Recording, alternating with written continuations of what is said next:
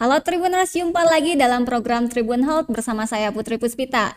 Tribuners, saat ini Indonesia sedang ramai dengan uh, virus hepatitis akut misterius yang muncul di berbagai daerah termasuk di dunia. Nah, tentunya hal ini menjadi khawatir berlebih nih terutama bagi para orang tua yang mempertanyakan apa sih sebenarnya hepatitis akut misterius ini, apa perbedaannya dengan hepatitis yang biasa uh, menyerang pada balita.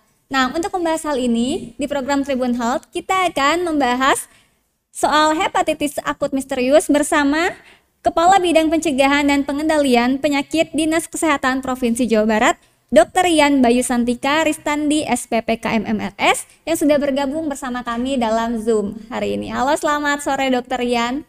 Selamat sore Mbak Putri.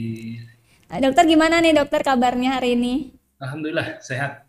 Alhamdulillah. Uh, dokter, ini tadi kita akan membahas soal hepatitis yang sedang ramai dibicarakan oleh masyarakat ya dok ya. ya. Nah, uh, boleh dijelaskan dulu nggak nih dok suasananya bagaimana perkembangan soal hepatitis terutama di Jawa Barat saat ini? Ya, baik terima kasih Mbak Putri dan uh, wargi Jabar di Tribun Jabar Tribun Health ini. Uh, selamat sore. Saya Dr. Ian, Kepala Bidang Pencegahan dan Pengendalian Penyakit di Dinkes Jabar. Memang betul, kita semua sekarang harus waspada karena penyakit yang menghebohkan dunia saat ini, hepatitis akut yang belum diketahui penyebabnya, uh, saat ini sedang kita waspadai. Gejala kliniknya itu adalah ada demam, ada kuning di kulit, di mata, lebih terlihat lalu ada mual muntah, kadang ada diare, ya. kadang ada lemas atau lesu, ya. lalu sakit-sakit badan, dan juga uh, ini pasiennya cepat memburuk. Jadi uh, perburukannya biasanya dalam empat hari ini akan terlihat sangat uh, jelek kondisinya. Lalu ada peningkatan uh, apa enzim hati. Jadi kita bisa lihat di laboratorium uh, uh, enzim hatinya akan meningkat sangat uh, besar, sangat tinggi. Jadi itu uh, penapisan pertama yang bisa kita uh, cek di laboratorium. Jadi bila ada uh, masalah di apa namanya uh, masalah tadi gejala klinik yang dirasakan oleh anak kita segera uh, hubungi dokter dan juga nanti akan diperiksa laboratorium. Itu mungkin okay. Mbak Putri. Baik, Dokter Ian, ini tuh sebenarnya hepatitis yang menyerang anak-anak ini terjadi pada usia berapa saja nih, Dok? Di usia uh, kurang dari 16 tahun, Mbak Putri. Jadi sekarang fenomena ini terjadi di seluruh dunia di kurang lebih sudah 114 anak. Ini uh, di usia kurang dari 16 tahun. Tapi uh, alhamdulillah di Jawa Barat masih belum ada, mudah-mudahan tidak ada. Uh, lalu di Indonesia belum juga di bisa kita pastikan yang tiga orang di Jakarta itu betul hepatitis misterius ya yang tidak diketahui penyebabnya ini atau uh, bukan karena sampai sekarang belum bisa dipastikan secara laboratorium. Jadi di Indonesia masih bisa uh, kita uh, apa pastikan mungkin sampai saat ini belum ada begitu mbak Oke dokter, sebenarnya ada perbedaan nggak sih hepatitis akut misterius yang menyerang anak sama hepatitis yang biasanya pada orang dewasa kan suka uh, menyerang liver karena terlalu banyak minum alkohol nih dok. Bedanya seperti apa? Ya, jadi uh, perbedaannya jelas di uh, perburukannya, Mbak Putri. Hmm. Jadi uh, ini sangat cepat dalam waktu empat hari dalam waktu empat hari sangat cepat uh, bisa terjadi perburukan. Lalu kalau kuningnya memang mirip betul, jadi di kulit, di mata, ya. Uh, lalu juga tadi enzim hati meningkatnya sangat cepat. Uh, disebutnya SGOT atau SGPT ini di atas 500 international unit. Jadi uh, perbedaannya memang uh, seperti itu dan memang khasnya sekarang spesifiknya masih di usia 16 tahun ke bawah. Itu perbedaannya dengan hepatitis yang selama ini kita ketahui. Lalu pemeriksaan laboratorium untuk uh, hepatitis yang selama ini kita ketahui ada dan sering di masyarakat seperti hepatitis A, B, C, D, dan E ini semua negatif Mbak Putri. Oh. Itu perbedaannya. sedang uh, untuk di uh, penyakit hepatitis misterius ini. Itu mungkin yang bisa membedakan. Berarti memang sulit untuk diketahui ya dok ya kalau misalnya hepatitisnya negatif seperti itu. Ya, jadi untuk kepastian diagnosisnya sampai saat ini kita sudah berkoordinasi dengan seluruh fasilitas kesehatan di Jawa Barat, uh, juga di tingkat pusat untuk seluruh Indonesia. Jadi kita uh, mempersiapkan pemeriksaan-pemeriksaan khusus bila kita dapatkan gejala klinik pada anak uh, usia di bawah 16 tahun dengan uh, gejala klinik yang tadi ada mual, demam, kuning dan lain-lain.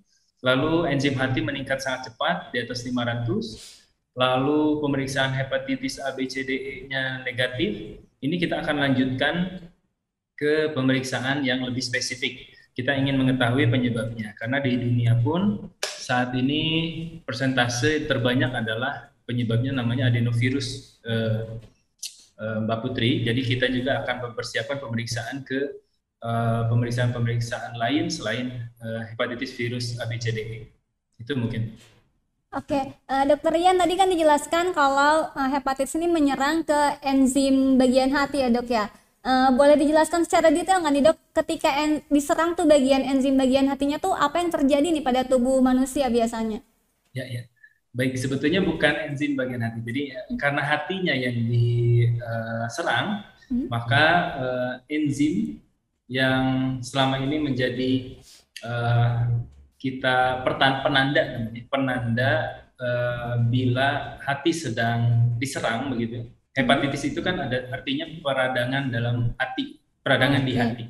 Nah, kita bisa melihat dengan penanda-penanda tersebut. Salah satunya adalah peningkatan enzim hati, yaitu SGOT, SGPT yang bisa meningkat di atas sampai ke di atas 500 international unit per mililiter. Jadi uh, itu hanya penanda saja. Sedangkan uh, apa yang diserang itu jelas organ hati. Nah, bila organ hati diserang, Gejala klinis yang mungkin timbul karena hati ini adalah pusat metabolisme, pusat pembersihan juga. Jadi eh, hati ini juga eh, bukan perasaan ya. Jadi ini hati hati yang memang organ eh, organ yang banyak fungsinya di tubuh manusia. Salah satunya adalah kalau bisa eh kalau kita hati kita terserang hmm. ini nanti ada uh, zat warna ya zat warna yang akan bisa menjadikan uh, warna kulit atau mata kita berubah berubah menjadi kuning jadi ada uh, kerusakan metabolisme yang uh, akhirnya zat warna ini bisa kita lihat di kulit tapi kebalikannya jadi nanti kita bisa lihat urinnya akan lebih pekat ya karena zat warna yang dari uh, hasil metabolisme bilirubin namanya itu dari hati akan yeah. Ya. uh, keluar ke kulit dan ke mata dan juga ke urin. Tapi kebalikannya di uh, feses atau pada saat kita BAB, uh, mm-hmm. kotoran kita akan berwarna pucat. Jadi kebalikannya di BAB kita akan pucat, tapi di PAK kita, di urin kita akan lebih pekat. Itu gejala-gejalanya nanti bila hati kita rusak dan uh, salah satunya adalah dengan eh, karena infeksi uh, hepatitis misterius ini. Itu mungkin Mbak Putri. Oke, dokter, uh, ini kan virusnya juga masih pada bingung nih munculnya dari mana. Nah, kalau hepatitis misterius ini tuh penularannya terjadi bisa terjadi karena apa ya, Dok? Ya, terima kasih Mbak Putri. Ini justru uh, yang paling banyak ditanyakan. Ya. Jadi uh, yang paling harus kita waspadai saat ini Hmm. Selain tentu saja dengan 3M karena ada kemungkinan tetap penularan lewat pernafasan, juga uh, ada ditenggarai penularan lewat makanan atau foodborne disease. Jadi penyakit yang ditenggarai uh, bersifat orofekal dari oral ya lewat saluran pencernaan ke uh, anus kita. Jadi segala macam yang berhubungan dengan makanan misalnya makanan sekarang diharapkan uh, mengkonsumsi kita mengkonsumsi makanan matang begitupun air lalu bahan makanan yang bersih diproses dengan baik lalu disajikan di alat makan yang bersih. Begitu juga alat makanan tidak boleh bergantian. Karena uh, dua saluran baik pernafasan ataupun pencernaan saat ini ditenggarai adalah uh, tempat masuknya virus atau mikroorganisme penyebab hepatitis misterius ini. Oke, jadi Tribuners ini termasuk ibu-ibu di rumah yang masih pada punya balita. Tolong diperhatikan, biasanya kan kalau ibu-ibu nih sambil uh, nyuapin anak-anaknya suka nyuapin juga anak tetangga gitu. Nah, mulai dari sekarang kayaknya lebih baik uh, sendiri aja dulu ya buat makan anaknya jangan sampai kayak sini sini makan barengan. Biasanya kan anak-anak suka pengen makannya barengan ya dok ya, biar lebih lahap gitu. Nah, jadi harus Sekarang, diperhatikan juga ya, nih. Betul. Untuk saat ini terpaksa kita uh, tidak boleh seperti itu dulu ya, Mbak Putri. Uh, ini juga mungkin fenomena mudik kemarin ya, juga ya. halal bihalal nih Mbak Putri harus kita uh, persiapkan dengan uh, adanya tentu saja uh, apa populasi rentan pada saat halal bihalal juga. Ya, ada anak, ada kakek nenek, itu semua populasi ya. rentan dan uh, penularannya biasanya halal bihalal kan kita makan nih makan yeah. bersama. Dan penyakit, ini uh, salah satunya adalah dari uh, makanan. Hmm. juga uh, pada saat kita makan bersama kan kita biasanya membuka masker. Ini juga berpotensi untuk adanya penularan dari saluran pernafasan. Ini juga yang harus kita waspadai di fenomena saat ini terutama halal bihalal dengan konsekuensi adanya relaksasi dari uh, kebijakan relaksasi ya dari pemerintah begitu. Berarti memang si virus hepatitis ini uh, penularannya cukup cepat juga atau bagaimana nih dok? Ya, uh, untuk saat ini di Indonesia ataupun di dunia di negara-negara lain pun uh, penularannya tidak seperti uh, COVID-19 atau hmm. penyakit uh, lain yang lebih cepat penularan. Jadi saat ini hepatitis uh, misterius ini masih kita waspadai dan sekarang sudah hampir satu bulan dari uh, bermunculannya hepatitis misterius di negara-negara lain. Di kita masih uh, kita waspadai ketat, kita follow up ketat di seluruh unsur sampai ke level terendah di puskesmas. Kita cari terus, kita waspadai terus tapi alhamdulillah sampai sekarang belum ada. Jadi kemungkinan penularannya tidak semudah uh, penyakit COVID-19. Mudah-mudahan seterusnya dengan perilaku hidup bersih sehat di Indonesia yang budayanya sudah cukup baik. Hmm. Juga uh, budaya 3M bahkan 5M ya sekarang. Yeah. Jadi mencuci tangan, menjaga jarak, memakai masker, menjauhi kerumunan, mengurangi mobilisasi ini sudah cukup baik di masyarakat Indonesia karena pandemi COVID-19 kemarin. Ini juga uh, mungkin sesuatu yang uh, sangat signifikan berdampak untuk mencegah penyakit hepatitis misterius ini bisa lebih mudah menular di masyarakat Indonesia. Oke, uh, Dokter Ian, ini juga kan banyak ya ramai di media sosial di media sosial menyebutkan kalau si penularan hepatitis ini tuh eh si hepatitis ini tuh muncul juga karena uh, vaksinasi COVID-19 yang kemarin tuh. Jadi banyak anggapan-anggapan yang ramai juga nih. Ini sebenarnya gimana nih, Dok? Ya, ini sudah dibantah langsung oleh komisi ahli di tingkat dunia bahkan WHO ya. Jadi ini semua hoax. Bapak okay. Ibu sekalian, uh, Wardi Jabar, Tribun Jabar, Tribun Health ini mohon uh, bisa meredam kepanikan masyarakat uh, karena belum ada satu bukti pun yang menyatakan adanya keterkaitan antara vaksinasi COVID-19 dengan uh, hepatitis misterius ini. Jadi mohon uh, kita juga sedang uh, berusaha terus ya struggling sekali untuk Eh, meningkatkan kekebalan di masyarakat dengan vaksinasi COVID-19 ini. Alhamdulillah vaksinasi COVID-19 di Jawa Barat dosis 1 sudah 90 persen, hmm. dosis 2 sudah 82 persen. Ini luar biasa di atas uh, target nasional.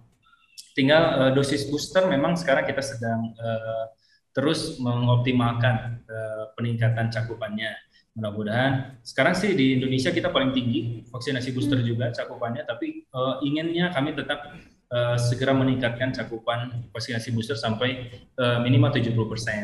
Jadi kita ingin uh, terus meningkatkan lagi untuk men mengebalkan masyarakat terjadinya herd immunity. Uh, jangan sampai adanya hoax uh, apalagi berhubungan dengan penyakit baru ini yeah. nantinya akan mengurangi semangat uh, nah. masyarakat ya terutama untuk uh, vaksinasi booster di masyarakat.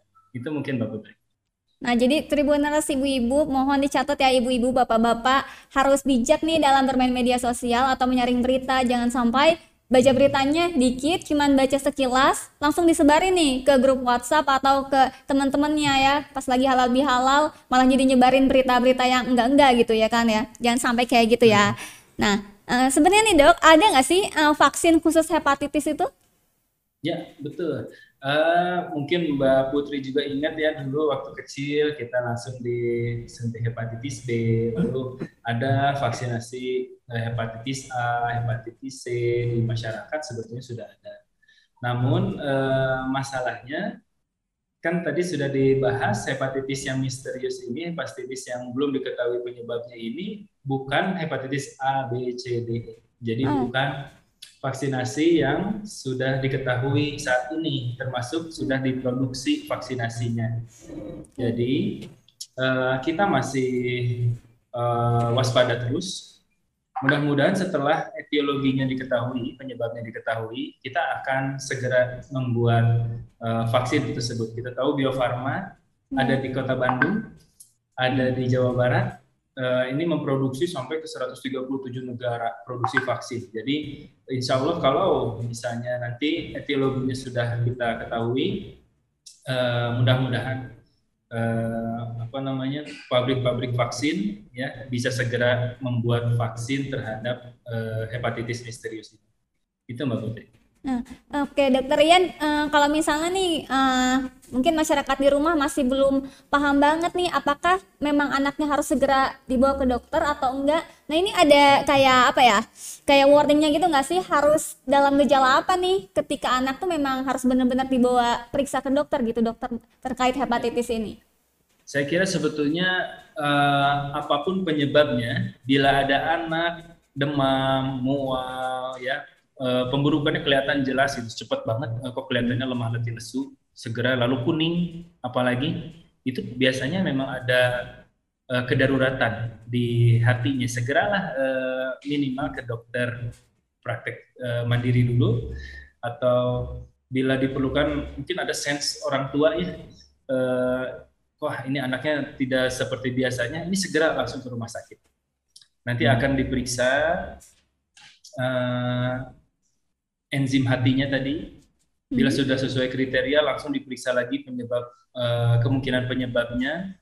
Bila ternyata memang bukan A B C D E ya akan dilanjutkan pemeriksaan selanjutnya yang mungkin lebih uh, spesifik ke arah hepatitis misterius ini Mbak Putri. Jadi kalau menurut saya sekarang ada gejala-gejala tadi segera uh, mencari pertolongan ke tenaga kesehatan. Oke, uh, Dokter Ian, kok tadi kan disebutkan kalau di Jabar memang kasusnya masih nol ya dok ya, belum ada ya dok ya. Nah, ini nggak sih uh, kalau di daerah lain seperti apa nih kayak uh, kalau untuk di Jabar uh, prokesnya seperti apa supaya si hepatitis ini jangan sampai masuk juga nih ke Jawa Barat? Betul, terima kasih Mbak.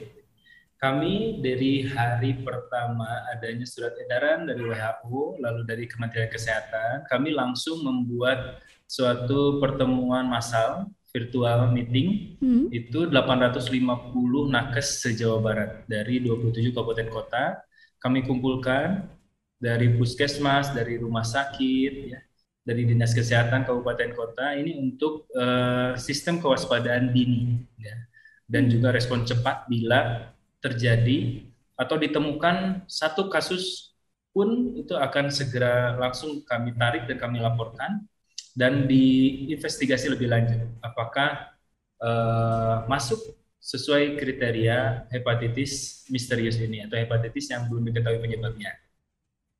Karena uh, pasien akan segera ditata laksana sebagai uh, hepatitis apa pun penyebabnya hmm. akan dirawat lalu akan dipastikan secara laboratorium. Dan uh, untuk pencegahannya, seperti tadi sudah disampaikan, karena uh, tetap penularan masih ditenggarai dari dua sistem saluran. Pertama saluran nafas dan ya. saluran pencernaan. Hmm. Maka pencegahannya tetap dengan 5M untuk kemungkinan penularan lewat saluran pernafasan, lalu dengan memperhatikan perilaku hidup bersih dan sehat. Bagaimana kita memastikan makanan uh, yang kita konsumsi ini bersih, matang, ya, sehat, dan juga uh, alat makan, ya, lalu perilaku cuci tangan juga harus uh, diterapkan kembali, lebih kita tingkatkan lagi. Juga yang terakhir adalah kita pastikan tubuh kita dalam keadaan sehat, prima, yeah. bugar ya karena tubuh kita ini akan uh, lebih sulit ditembus oleh eh, serangan-serangan uh, mikroorganisme pada saat dalam keadaan prima. Jadi olahraga ringan, jangan lupa pulang dari mudik kemarin capek. Sekarang kita uh, kembalikan ke kondisi optimal lagi, Mbak Putri. Kita yeah. olahraga ringan lagi, berjemur lagi, boleh silakan. Itu mungkin, Mbak. Iya, jadi untuk para keluarga nih tetap jaga protokol kesehatan, jangan sampai karena pandemi udah agak membaik malah jadi lalai lagi nih, jadi jarang cuci tangan, terus juga masih nyobain makanan barengan, kan belum tentu ya kitanya juga imunnya lagi baik-baik aja ya dok ya. Ya, Oke, okay. uh, eh, Dokter Ian terima kasih nih sudah mau berbagi informasinya tentang hepatitis akut yang menyerang pada anak. Semoga informasinya sangat membantu masyarakat saat ini, apalagi banyak yang khawatir ya dokter ya. Betul. Dan semoga Jangan juga di Jabar. Mungkin, ya, Mbak Putri mungkin uh, pesan untuk masyarakat Jabar. Hmm. Uh, penonton Tribun Health ya, tetap ya. jangan panik dan uh, tetap jaga makanan ya sesuai dengan uh, perilaku hidup bersih dan sehat kita dan juga terakhir tetap jaga protokol kesehatan protokol kesehatan 5M tadi. Itu saja mungkin. Terima kasih. Iya, Dokter Ian. Terima kasih sudah mau berbagi informasinya dalam program Tribun Health kali ini. Semoga kita nanti bisa ngobrol-ngobrol lain ya, dok ya, dok ya dalam uh, topik yang berbeda. Siap, Oke, Tribuners, terima kasih sudah menyaksikan program Tribun Health hari ini. Tetap jaga protokol kesehatan, terutama untuk keluarga, supaya tetap sehat dan happy selalu. Uh, saya Putri Puspita, pamit undur diri. Sampai bertemu lagi di program selanjutnya.